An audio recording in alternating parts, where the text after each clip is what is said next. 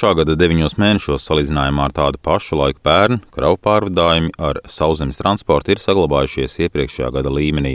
Tā liecina Centrālās statistikas pārvaldes dati. Ar kravas mašīnām šogad pārvadātas gandrīz 78 miljoni tonu preču. Iekšzemē transportētie apjomi palikuši nemainīgi, bet starptautiskajos kravu pārvadājumos vests par 9% mazāk.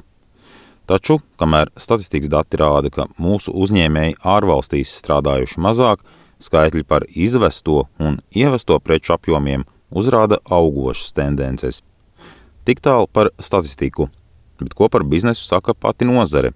To jautāju uzņēmuma Vervo direktoram un Latvijas Nacionālās kravas ekspeditoru un loģistikas asociācijas ģenerālsekretāram Mārim Dreimanim. Jau vervā gads pagājis diezgan labi, apgrozījuma pieaugums ir arī, varēsim uzrādīt peļņas rādītājs pozitīvs šogad, bet, nu, vispārējā situācija kravu transporta nozarē, teiksim, tā ir diezgan saspringta. Tā ir situācija, kas notiek šobrīd ģeopolitiskajā jomā, Krievijas-Ukrainas karš. Vai braucāt iepriekš uz Krieviju, Baltkrieviju, Ukrainu, vai tur kaut kas ir mainījies pašlaik? Jā, mēs vēsturiski ļoti maz braucam uz turieni ar savu autotransportu visām, vispār neesam braukuši turp, sniedzam uz turieni ekspedīcijas pakalpojumus, bet no kopējā procenta ir maz. Bet situācija, protams, ir diezgan skarba. Joprojām uz Krieviju tiek vestas kravas, tās ir nesankcionētās kravas. Krāva apjoms ir liels, šoferi diezgan daudz gan ētisku, gan arī drošības apsvērumu dēļ nevēlās braukt uz Krieviju, līdz to viņiem ir jāmaksā vairāk, protams, ja grib dabūt viņus uz turienu braukt.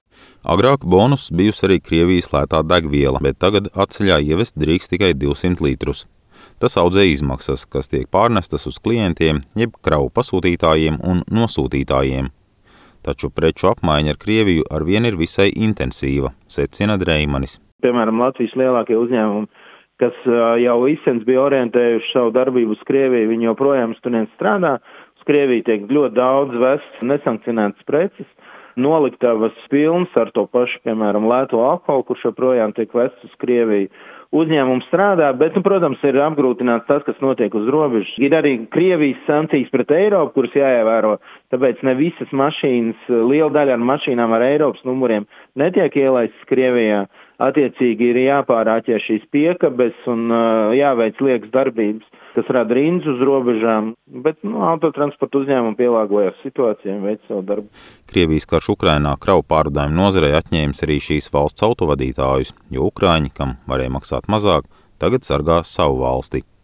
Taču, piemēram, pārvadājuma kompānijas Miandum izpildirektors Gundars Plūme secina, ka šoferu pašlaik pietiek, Ar darba spēku mums viss ir kārtībā. Jā, mums ir uh, autovadītāji, kas ir uh, nemainīgi strādā pie mums, un mēs uh, nemeklējam autovadītājus. Autovadītāji drīzāk meklē mūs. Mēs cēlām algas jau pavasarī, un mums ir arī vēl tuvākajā laikā plānots uh, celt uh, šoferiem uh, darba apmaksu. Šoferi nesūdzās, tā kā mēs ejam līdz laikam un, un, protams, skatāmies pēc situācijas, kas notiek apkārt. Bet Krievijas, Baltkrievijas un Ukrainas tirgu daļēji zaudēšana, pastiprinot konkurenci, konkurenci, novērojas uzņēmuma Miandum izpildirektors. Mūsu pamatdarbība ir uz Skandināviju un uz Eiropas valstīm, un tas, ko mēs redzam, palicis vairāk transporta pakalpojumu sniedzēju Baltijas tirgu. Līdz ar to arī samazinās kravu cenas, pārvadājumu cenas. Varētu teikt tā, ka ir tas neliels dempings.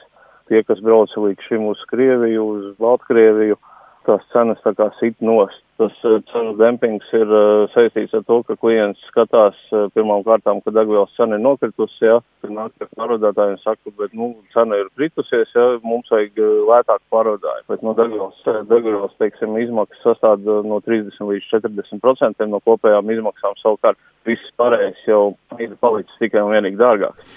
Uzņēmēji arī atturas kritizēt Eiropas Savienības jaunākos normatīvus, kas stingrāk regulē strādāšanu ārvalstu tirgos un autovadītāju atpūtas režīmu ievērošanu. Edgars Kupčs, Latvijas radio.